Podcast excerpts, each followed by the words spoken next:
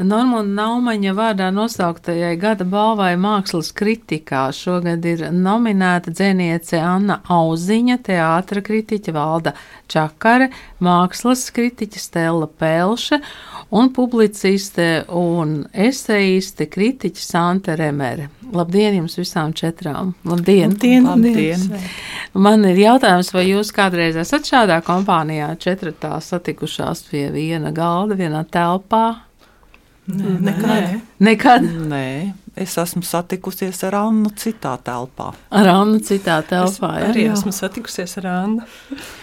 Jā, tā kā varētu būt interesanti, man šķiet, ka kritiķiem principā ir interesanti savstarpēji sarunāties. Kā jūs uzskatāt?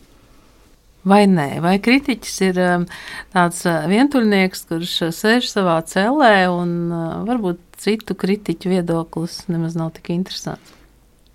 Nu, pamatā jau laikam vientuļnieks, kas tad satiekas ar citu tādu pašu vientuļnieku.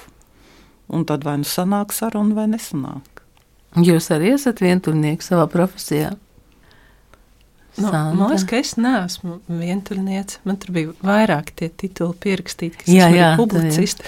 Jā. Varbūt, ka publicistiem patīk vairāk satikties kā, nekā kritiķiem. Es nezinu, man, man patīk sarunāties. Man liekas, ka tas, tas kas Latvijā mazliet pietrūkst, šādas vienkārši tikšanās ar draugiem, kolēģiem un runāšanas par to, kas ir redzēts, arī nevienmēr to publicējot vai rādot, vienkārši apspriesties virtuvē vai kafejnīcā. Man šķiet, tas ir arī patīkami. Stēla, ko jūs teikt par šādām virtuves sarunām?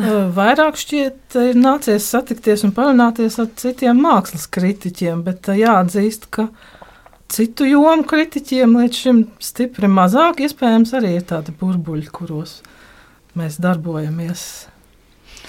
Anna, kāds ir nu, jūsu burbulis?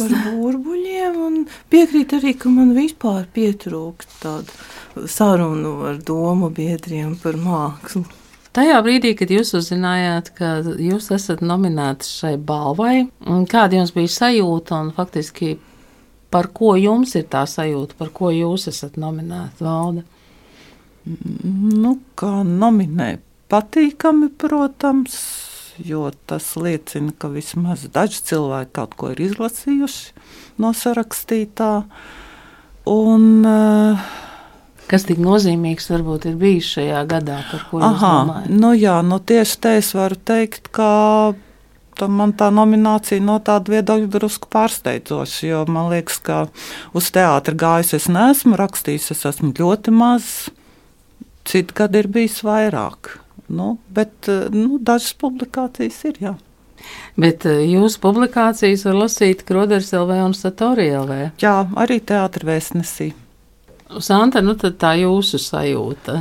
Nu, man tā kārtībā reiz bija mulsinoša sajūta, jo man tiešām liekas, ka ir kritiķi, kurus lasu es, un kas ir uh, daudz spēcīgāki. Un uh, noteikti ir bijušas publikācijas šogad, kuras, ja es būtu žūrijā, es būtu nominējis šos cilvēkus, bet es tiešām nezinu, kas notiek tajā aizkulisēs, kā tie žurnāli piesaka vai nepiesaka tos kandidātus. Un, jā, es biju mazliet uh, apmulsus, ka, kāpēc atkal? Bet jūs jau bijāt nominēta reizē. Ja? Es esmu divreiz jau bijis. Divreiz, tas ja? ir tā kā tāda mēbele, bet es domāju, varbūt tas ir kompliments, varbūt tas labi izskatos uz skatuves. Man vienkārši nolikt atkal. nu jā, un uh, jaunā Rīgas teātras skatuve faktiski atkal, atkal gaidīs. Stela, jūsu nozīmīgais šajā, vai patiesībā jau pagājušajā gadā? Man savukārt tā ir pirmā reize, jāsaka, nav maņa balvas tieši nominēšanā. Un tas bija arī pietiekami negaidīti. Es nu, nebiju uz ko tādu atcerējusies. Jo man bija arī tā sajūta, ka nu, tā rakstīšana par mākslas izstādēm jau ir diezgan konstanta, nu, diezgan daudz gadu garumā. Vienīgais, kas varbūt ir bijis nu, tāds jauns šajā jau aiz, nu, aizgājušajā gadā, ir kad ir nu, papildus kultūras dienā, ir eh, mazliet nākušas klāt arī recenzijas Mākslas akadēmijas internetu vietnē. Kas arī ir pamanīts, kas man šķita, ka varbūt nu, šī vieta, nu, tāds, kā tāds eh, lasīšanai interesants mēdījis, nu, nav tik ļoti aktuāli, bet nu, prieks, ka tas ir pamanīts. Jā, nu, tas ir varbūt kaut kas tāds, nu, kas ir nācis klāt šīm citu gadu ierastajām publikācijām. Mana, kas ir nācis pagājušajā gadā jums klāt kā kritiķei? Nu, es laikam beidzot esmu iemācījusies uzrakstīt normālu recenziju. Es gribēju, lai man nominē. Un, un es, es, es skaitīju, nu, cik man būs publikācijas un cik no tām būs labas. Un, nu, kā jūs to varējāt izskaidrot? Nu, nu, nē, nu, es pēc zinu, savas es esmu recenzijas ja? uzrakstījis. Es nu, uzrakstījis sešas, un tad es rēķināju, ka divas vai trīs ir labas, un tās arī pamanīju, nu, kas man pašai likās labas, mm. kas bija punktumā par Žeberu un par Ivaru Steinbergu, un tad vēl bija smieklīgi domzīme. Nu, tā kā es pati strādāju pretējā žurnālā, konkurējošā žurnālā strāvu, un es, es, es viņiem iedevu, lai uzzinātu, cik viņi maksā, un vēl man bija arī tāds azarts, man gribējās pateikt, ka Manfelda grāmata ir feministiska, jo Andra Manfelda publiski izsakās antifeministiski, man gribējās pateikt, ka viņa feministiska grāmata izdevās. Ja? Nu, jā, tad, nu, jo tur ir norādīts, ka arī par domu zīmi. Bet, eh, sakiet, nu, jūs jau te pieminat tas, tās eh, platformas, kur jūs eh, rakstāt vai izsakāt savas domas. Mm, šo jautājumu man šķiet, ka mēs gadu no gada uzdodam kritiķiem, vai to platformu ir pietiekami daudz, vai tās platformas ir um, pamanāmas, vai tās platformas, kur kritiķi izsaka savu viedokli, vai tās ir um, lasītas. Kā jūs to sajūtat? Man īstenībā ienāca prātā vēl atbildes iepriekšējā jautājumā, kuru man izvirzīja, tāpēc, ka es sev aktīvi reklamēju. es laiku Facebookā pārpublicēju to, kurus esmu uzrakstījis, jo vienkārši es rakstu māks kaut kādiem astoņiem dažādiem žurnāliem, un tad, lai to kaut kā savāktu arī kopā un pēc tam atcerētos pati, tad es visu laiku tā kā pašēroju, un tad varbūt attiecīgi tad šī uh, sociālo tīklu platforma ir tā, kas patiesībā darbojas, un tad šie mani sekotāji, varbūt kāds no viņiem ir žūrijā, un viņi domā, oh, viņi gan visu laiku kaut ko raksta. tad vajag nominēt. Valda, man jums jautājums. Jūs taču neesat sociālajos tīklos? Nē, neesmu.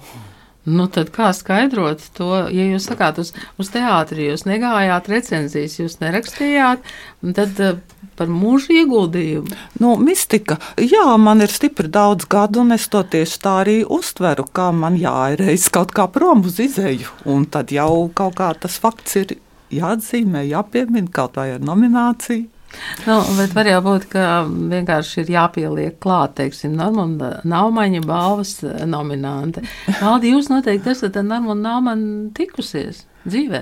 Vai dieniņu un kā vēl. Es ļoti labi atceros, kā viņš vispār ienāca teātrī, un tas bija, tas bija tā, varētu teikt, ar, ar troksni, un viņš tajā mūsu kritikas lauciņā ienesa tādas jaunas, provokatīvas krāsas kuras nu, gadu gaitā varbūt tā kā pabālēja, bet uh, tad, kad viņš tikko sāka rakstīt, uh, nu, tas bija lieliski. Es vienmēr ar interesi lasīju. Jā, man kaut kādā brīdī pietrūka to ierakstu, ko Normons Nāmans pāršēroja sociālajos tīklos, jo tas vienmēr bija kaut kas tāds, ko es varbūt nebiju pamanījusi. Tas bija no pasaules teātra un tam līdzīgi, bet, nu, uz intervijām radio viņš nāca nelabprāt. Man šķiet, mums izdevās vienreiz viņu pierunāt uz, uz interviju. Bet tagad par tām platformām. Vai nu, par to sociālo tīklu laikmetu, kad pietiek, ka katrs ieraksta vienu teikumu, ak, Dievs, kāda tā izstāde bija slikta, vai, vai šo izrādi nav vērts skatīties. Un, um, un faktiski var rasties sajūta, ka varbūt kritiķi nemaz nav vajadzīgi. Nu, man liekas, ka lielā mērā lielākā daļa cilvēku tieši tā arī uzskata. Es esmu sapratusi no redakcijām, nu, kuri var saskaitīt lasītājus, ka recenzijas lasa ļoti, ļoti maz cilvēku salīdzinot ar citiem rakstiem. Ka tas ir vajadzīgs pašai jomai, bet nu, tas nekādā ziņā nenozīmē, ka tāpēc tas nav, nebūtu vajadzīgs Latvijas kultūrai. Nu, nu, tā, tā ir tāda elitāra lieta, nu, un, nu, kāpēc tā nebūtu? Jo tas ir, tas ir vajadzīgs nu, tām jomām, par kurām mē, mēs rakstām. Nu, nu, kas nu, vēl, vēl viena sekundāra auditorija varētu būt studenti. Vai nākotnes kritiķi. Jā, tā kā ja tur ir tas kaut kur ir uzraksts. Nu, es nezinu, man ir tāda sajūta par izrādēm, kādiem darbiem vai izstādēm, kas beidzas, ir tās bailes, ka tā vairs nebūs. Un tad tā iespēja uzlikt to mm, akmeni, ka tas tur ir bijis, un viņi pēc tam varēs arī atrast. Jā. Tad, kad vajadzēs, tad, kad meklēs par nākamo, kad atkal būs tam pašam māksliniekam kaut kāds darbs, nu, Iespējams, tāpēc, ka nu, citiem kritiķiem tas ir vajadzīgs un citu jomu kritiķiem. Kritikas vēstures rakstītājiem. nu, mēs neesam mākslas vēstures rakstītāji. Nu, tā kā tagad, protams, ir ļoti atvieglots tas darbs, ka nu, visu, kas ir pēc 2000. gandrīz var atrast interneta arhīvos, kas ir rakstīts iepriekš. Nu, ka tev nav jāiet uz biblioteku, lai atrastu to, ko par šo parādību ir rakstījuši iepriekšējie kritiķi. Jā, nu, var, protams, iet arī periodika LV un atrast, mm -hmm. piemēram, par kādu noteiktu izrādi, kas ir rakstīts, bet, bet valda, man jums ir jautājums, vai izlasot to, kas ir rakstīts par kādu izrādi, mēs varam kaut cik vispār apjēgt, kāda tā izrāde ir bijusi. Nu, vairāk jau mēs varam apjēgt par to, kāds ir rakstītājs, nekā par to, kāda ir izrāde. Bet nu, vienmēr jau arī rakstītājs var censties būt nu, maksimāli uzticīgs tam, ko viņš redz. Bet par to kritiku. Nu, dienā arī bija uzdots tas pats jautājums. Man liekas, ka attiecībā uz teātri tā kritikas sfēra patiešām ir tāda kā apdraudēta. Ne tikai tā iemesla dēļ, ka ir sociālie tīkli, bet eh, arī tāpēc, ka teātris ir nu, tik ļoti mainījies un, un kļuvis tāds, kur nu, būtībā pazūd vērtēšanas kritērija, jo to, vai tā izrāde ir notikusi vai nav, to tagad nosaka tāda interakcija starp skatītāju un to izrādes notikumu. Un tad eh, tas vērtējums vienmēr būs tik ļoti subjektīvs. Nu, bija enerģijas apmaiņa, nebija enerģijas apmaiņa. Nu, tās ir tikai sajūtas, un tad kritiķis var tik aprakstīt savas sajūtas. Nu, un priekš tā jau un pilnīgi pietiek ar sociālajiem tīkliem. Tā tas ir, jā, man liekas. Nu, kā tad ir ar sajūtām mākslas kritikā stēla? Vai sajūtas ir svarīgas? Jā, jā vai sajūtas nozīmē? ir tā, tā enerģijas apmaiņa, par ko runā valda, jā, vai, vai tas ir arī... uzrunā, vai dabas piesaista, vai dabas pārsteidz. Nu jā, Protams, kaut kādas sajūtas ikvienam kritiķim rodas, bet nu, es domāju, ar sajūtām vien tomēr nepietiek. Ir arī vajadzīga kaut kāda distancēšanās, un kaut kāda konteksta un kaut kas plašāks. Uh, Vienlaikus, nu jā, tad arī tas jautājums parasti rodas par to, vai, tad, vai, vai, vai kritiķis var būt arī kaut kādā ziņā objektīvs, vai viņam vajag tādam būt. Nu, mūsdienās jau visdrīzāk, ja, ja minētu kaut ko tādu kā objektīvs zināšanas, objektīvs viedoklis vai nezinu, objektīvs pētījums, tad, tad tas neizklausītos tā ļoti labi. Uh, Nu, es domāju, tādā vispār humanitāro zinātņu kopainā, ka tas nozīmē kaut ko tādu izslēdzošu, autoritāru un tā tālāk un tā joprojām. Bet um, es domāju, ka ir kaut kāda nozīme vai kaut kāds skatījums, kurā arī šī objektivitāte var palikt kā tāds mērķis. Nu, jāapzinās, ka to nekad sasniegt nevar. Jo, nu, nu, ir lietas, kuras, teiksim, nevar piesavināties un sasniegt uz visiem laikiem, bet kuras var paturēt kā tādu orientieru, ceļa zīmi vai, vai apmēram tā. Tā kā, jā, es domāju, ka arī, protams, ir, ir šī kritiķa subjektivitāte un kritiķa, kritiķa izjūtas un kritiķa šis backgrounds, ne, no kur neviens nevar izkāpt un kas ietekmēs. Mēs ietekmēs šos vērtējumus, tas arī bez šaubām ir svarīgs. Nu, no tā nekur neliksies. Bet, nu, jā, es domāju, ka arī kaut kāda objektivitāte var pastāvēt. Literatūrā ar tiem kritērijiem ir oh. uh, labāk. Man ir tāds ļoti mīļš franču kritiķis, Maris Nade, kurš ir teicis, ka nu, ka kritiķi uzdevums ir savienot lasītājus un mēģināt savienot šīs dažādas subjektivitātes un kaut kādā veidā padarīt iespēju. Nu, viņš tieši runā par literatūru, kri, literāro literatūru kritiku, ka tā, tas ir mēģinājums dalīties lasīšanas procesā, jo lasīšana parasti ir kā subjektīva, bet caur šo kritika, kritiķa mēdīju kaut kādā veidā padomāt, kā lasa citi. Un, uh, tā ir kaut kāda kopīga refleksija arī reizē. Es joprojām domāju par šo viņa teikumu. Vienkārši kā savienot lasītājus un kā savienot dažādas subjektivitātes, ka kritiķis veido tādu tā kā spēli ar citiem. Bet man ir vēl jāpadomā par šo. Anna, jūs esat tā aizdomājusies? Nu, Nē, es tie, tieši domāju jā, par, par jautājumu par to, ko Santa teica. Jā, nu, tas kritiķu uzdevums ir skaidrot to, to darbu, tā kā tu citēji autoru. Un par to subjektivitāti, nu, es personiski biju subjektīvāka, kad man bija mazāk pieredzes un zināšanas ka šajā gadā man likās, ka beidzot es varu uzrakstīt nu, vienkārši. Un tad ir labi. Nu, bet, bet varbūt, ka teātrī ir citādi, jo, kā Galda saka, ka tas teātris, nu, nu, ka tur ir grūtāk tos kritērijus vispār uzstādīt tajā daudzveidībā. Objektivitāte, subjektivitāte un, un tā enerģija, ko jūs pieminējāt, tur jau ir tādas ezotērikas robežas. Ja. Nu, jā, nu, ja grib to kaut kādu kritikas vērtējošo funkciju īstenot, tad jau ir jābūt tomēr tā, ka eksistē kādi nu, nezinu, pieņēmumi vai kāda pārliecība par to, kas ir kas ir labi, kas ir slikti, kas ir eh, mākslinieciski, kas ir nemākslinieciski. Bet nu, kaut ko tādu, ja mēs gribam atrast, tad jau gandrīz ir jādodas atpakaļ uz, uz klasicismu laikmetu.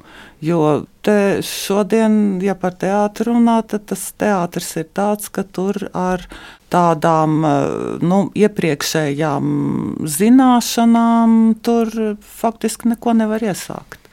Nu, labākajā gadījumā tur var kādas eh, asociācijas, līdzības meklēt. Jā, nu, tā kā te arī kolēģis teica, tādu kontekstu atrast, kurā ievietot. Jā, nu, to gan. Tik tālu tā objektivitāte varbūt ir iespējama. Kā jūs izjūtat to kritiķu atbildību? Jo mm, var gadīties, ka es gaidu šo kritiku, lai zinātu, vai to grāmatu vērt vaļā, vai iet uz to izstādi, vai iet uz to izstādi izrādi, eh, vai, vai šāda doma vispār jūs nodarbina tajā brīdī, kad jūs rakstāt? Vai... Nu, man liekas, ka jebkura recenzija jau strādā kā reklāma, mm. ka tā vispār ir pievērsta uzmanība. Ja vispār, jā. jā. Mm -hmm. Man arī tāda sajūta, ka tas, kas tiek recenzēts, jau tiek atzīts par labu. Nu, nu, kā teiksim, atzīts nu, no, no, no tiem, kas pasūta recenzijas, vis, visnotaļ nu, tā varētu būt.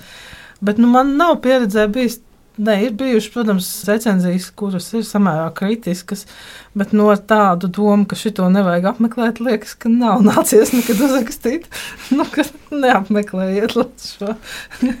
ja kādam ir tas interesants, būtu, bet man noteikti, ka nē. Es iztēlojos, ja jūs uzrakstītu, nevariet šo grāmatu. Tad momentā. Nu jā, tur kāds tieši tāpēc ir atvērts. Maz, ka tas ir arī interesanti. Jā, varbūt es tā kārtīgi nokritizēju, un tad uzreiz būs liela interese. Man liekas, ka tā kā mums te mm, tā valsts un pilsēta ir tāda maziņa, mēs samērā pazīstam citus, citu arī, un tad ir tās savas, savi mīļie kritiķi, vai nu tie cilvēki, par kuriem tu gribi dzirdēt, vai viņam patika vai nepatika, jo skaidrs, mēs, mēs slimojam un noguļam kaut kādus svarīgus notikumus ļoti bieži, un, nu, tiksim, man ir vajadzīgas palsīt tās citas kritikas, lai saprastu, ko es esmu palaidus garām, un vai ir vērts vēl nomedīt, ja ir kaut kāda vēl viena izrāda, nu, vai cik tieši daudz es esmu palaidusi garām, un tad vai nākamajā izrādē kaut kas no tā arī būs. Un tāpēc man liekas, jā, šīs teātris kritika ir kaut vai šādā ziņā svarīga, ka to izrāžu nav tik daudz, un ka tu vismaz paliec ar sajūtu, ka tu kaut vai aiz sienas esi paklausījies vai dzirdējis, ko tur sarunājas koridorī. Un um, mans pēdējais jautājums šodien, pirms uh, Normāna Naumaņa balvas pasniegšanas, ir par kādu jūsu subjektīvo kultūras iespēju, kas jums ir šķitis svarīgs pēdējā laikā es te varbūt uh, neierobežoju ar laika rāmi, ne ar geogrāfiju. Tas nenozīmē, ka jūs par to rakstījāt, bet jūs par to domājāt. Jā, man ir viens tāds, es par viņu nerakstīju, bet es par viņu domāju. Tā bija nepārāk izreklamēta izrāde. Tā bija britu mākslinieca Klēra Kaningama, kas sniedz tādu tā izrādi lekciju, kā viņa dejo ar kruķiem. Un, kas varētu šķist, oh, tur garlaicīgi diezgan tāda lekcija, par sievieti ar kruķiem ierobežot savās kustībās, kas nu, bija pilnīgi otrādi. Mēs visi bijām absolūti fascinēti. Tā, bija jauna perspektīva, rādot fotogrāfijas, kā viņa redz pasauli savā apkārt, kur vienmēr ir sniegā iebrista šie kruķu punktiņi, un kā viņa ar vairāk atspēršanās punktiem turās pie zemes, un tā bija cita neredzēta grācija. Kaut kāda tāda jauna sfēra, un tā pašā laikā tiešām tur, man liekas, tika sasniegts tas iekļaušanas moments, ka tur bija cilvēki ar dažām kustību un fiziskām iespējām. Un tā kā mēs tur bijām visi kopā un noklausījāmies lekciju, kurā bija tik precīzi iekšējā dramaturģija, bija visas katras sajūtas un, un viss, ko no izrādes varētu sagaidīt. Un bija žēl, ka tāda ir tikai viena, un tāpēc arī man liekas, ir svarīgi šīs uh, apskati, ka kādam pēc tam var pateikt, ka kaut kas tāds ir noticis un ka ir vērts šo mākslinieku redzēt citur vai aicināt vēl. Jā, šajā rudenī es vienu izrādi redzēju, kura man sajūsmināja, un tie bija Elmāra Seņkova nelabie Valmieras teātrī. Pirmkārt, man tā izrāde e, pārsteidza un iepriecināja ar to, ka tur, e, nu, tur varēja redzēt, ka jauni cilvēki un vispār teātris cilvēki redz, kas notiek pasaulē. Un neiet tādu oficiālo viedokļu pavadā. Otrakārt, man tur ļoti patika, ka Justīna Kļava bija Dostojevska to piedarību 21. gadsimtam brīnišķīgi izcēlusi un ierakstījusi savā dramatizējumā. Un arī man brīnišķīgi likās Valmieras jauno aktieru kurs, kā viņi tika galā ar šo ļoti sarežģīto materiālu. Nu, un, protams, Elmārs Senkovs kā režisors man likās, ka ir, ir, ir bijis ļoti, ļoti redzīgs, ļoti gudrs un ļoti talantīgs. Jā, un atšķirībā no Santas pieminētā unikālā notikuma, nelabos var iet un skatīties. Un tagad, kaut vai šāda īsa recenzija, man jau tā, es jau gribu skatīties, kad jā? ir nākamā izrāde. Būs nacionāla, jā. Mēs jau aujam kājas. Ir jau, jā, tā tad eh, viens notikums eh, Stela, kas jums? Arī intensīvi domāju, kas tad ir no tā, kas ir aprakstīts ticis. Nu, ja tādā plašuma, iespēju daudzuma ziņā, nu, tad noteikti laikam, tā būs tā Venecijas bienāla, kuras tad, jūs bijāt. Ja? Jā, es dabūju viņu aprakstīt pat divkārt, tātad kultūras dienai īso versiju un, un mājaslapā Mākslas akadēmijas tādu garo versiju trīs turpinājumos. Tur vajadzēja arī ar vēsturisku apskatu man palūdza. Nu, tā. Nu, tā tiešām tur bija ļoti daudz, kas ko redzēt, un tā doma bija arī nu, ne tikai paša bienāla, bet vēl arī tās daudzās visas tās paralēlās izstādes, kas tur notika. Nu, dažādu prominenču, kas nav tieši ar to bienāli saistīts, bet viņas arī notiek vienlaikus. Tur gan dažādos muzejos, gan arī tādās nu, mazākās vietnēs, tur kā tās galerijās vai kur. Nu, jā, un to visu mēģināt aptvert, tas bija diezgan izaicinoši. Un tad man vēl piedāvā, man pievīla tehnoloģijas, un es paliku bez bildēm. Man nācās izmantot šos mākoņu resursus, ja preskit, dažādo gan pašas ģenāls, gan, gan citu notikumu un muzeju piedāvātos tātad digitālos resursus, lai varētu vispār ilustrēt to, ko es tur redzēju. Sākumā šķita pabriesmīgi, bet pēc tam es sapratu, ka nespējot fotografēt, es vairāk skatos, vairāk mm. iedziļinos tajā, kas tur ir. Nu, tā apmēram. Vēl, vēl no tādiem notikumiem, es domāju, Imants Lansmaņa izstāde arī. Imants Lansmaņa izstāde vēl varam pierakstīt tajā lapā. Anna, tagad jums kā? Nu, es dzīvošu kolēģis latviešu dziniekus nereklamēšu. Kāpēc? es gribu pievērst uzmanību divām grāmatām, kas iznāca gada nogalē izdevniecībā Neputns, un pirmā no tām ir Paula Celāna dzējas izlases, cik es saprotu, no diviem vai varbūt mazliet vairāk krājumiem Jānis Verdiņas atzējojumā, un tā ir grāmata, ko es gaidu 30 gadu. Jo iepriekš dzinieks ir izdots tikai ap 80. gadu, vēl padomi Latvijā, Māra Čaklā un Māras Misiņas atzēja tēbrēju izcelsmes vācu, vācu dzinieks, ko man par pārsteigumu arī, teiksim, vienaudži citās valstīs pat dzinieki, tā kā visi nemaz viņu nezina Bet nu, man, man liekas, ka joprojām ir tādā 20. gadsimta kanonā, un ko es tagad saprotu labāk, ka to, to ko nu, it kā teorētiski vajadzēja zināt jau sen, ka viņam bija holokausta trauma. Bet es, es savā jaunības naivumā domāju, ka viņš vienkārši skaisti raksta. Un, nu, nu, to, to, to laikam arī tikai tagad ar visu Krievijas kara kontekstu var vispār apjaust, kas tas ir, kas tam visam ir apakšā. Un otra ir Tomas Sterne Eliota dzējas izlase arī, cik es saprotu, kur tagad arī slaveno poēmu Nīkā zeme varēs izlasīt grāmatā. Viņa, viņa ir bijusi latviski izdevumos, bet tagad, tagad grāmatā varēs lasīt uh, Ievas Lešīnskas un Kārļa Vērdiņa atdzēju. Paldies jums par šo sarunu. Man ir tāda sajūta, ka šādas uh, kritiķu tikšanās neatkarīgi no Normunda Naumaņa balvas, kas ir reizi gadā, mēs varētu šeit Latvijas rādio sarīkot un nu, mums katram rastos kaut kāds ieskats par jomu vai par, par kultūras norisēm, kuras mēs neesam redzējuši un dzirdējuši. Paldies jums liels šodien par būšanu šeit Latvijas radio studijā. Šeit bija Normunda Naumaņa vārdā nosauktās gada balvas mākslas kritikām nominētās eh, kritiķis Anna Auziņa, Valda Čakara, Stela Pelša un Santa Remere. Paldies jums!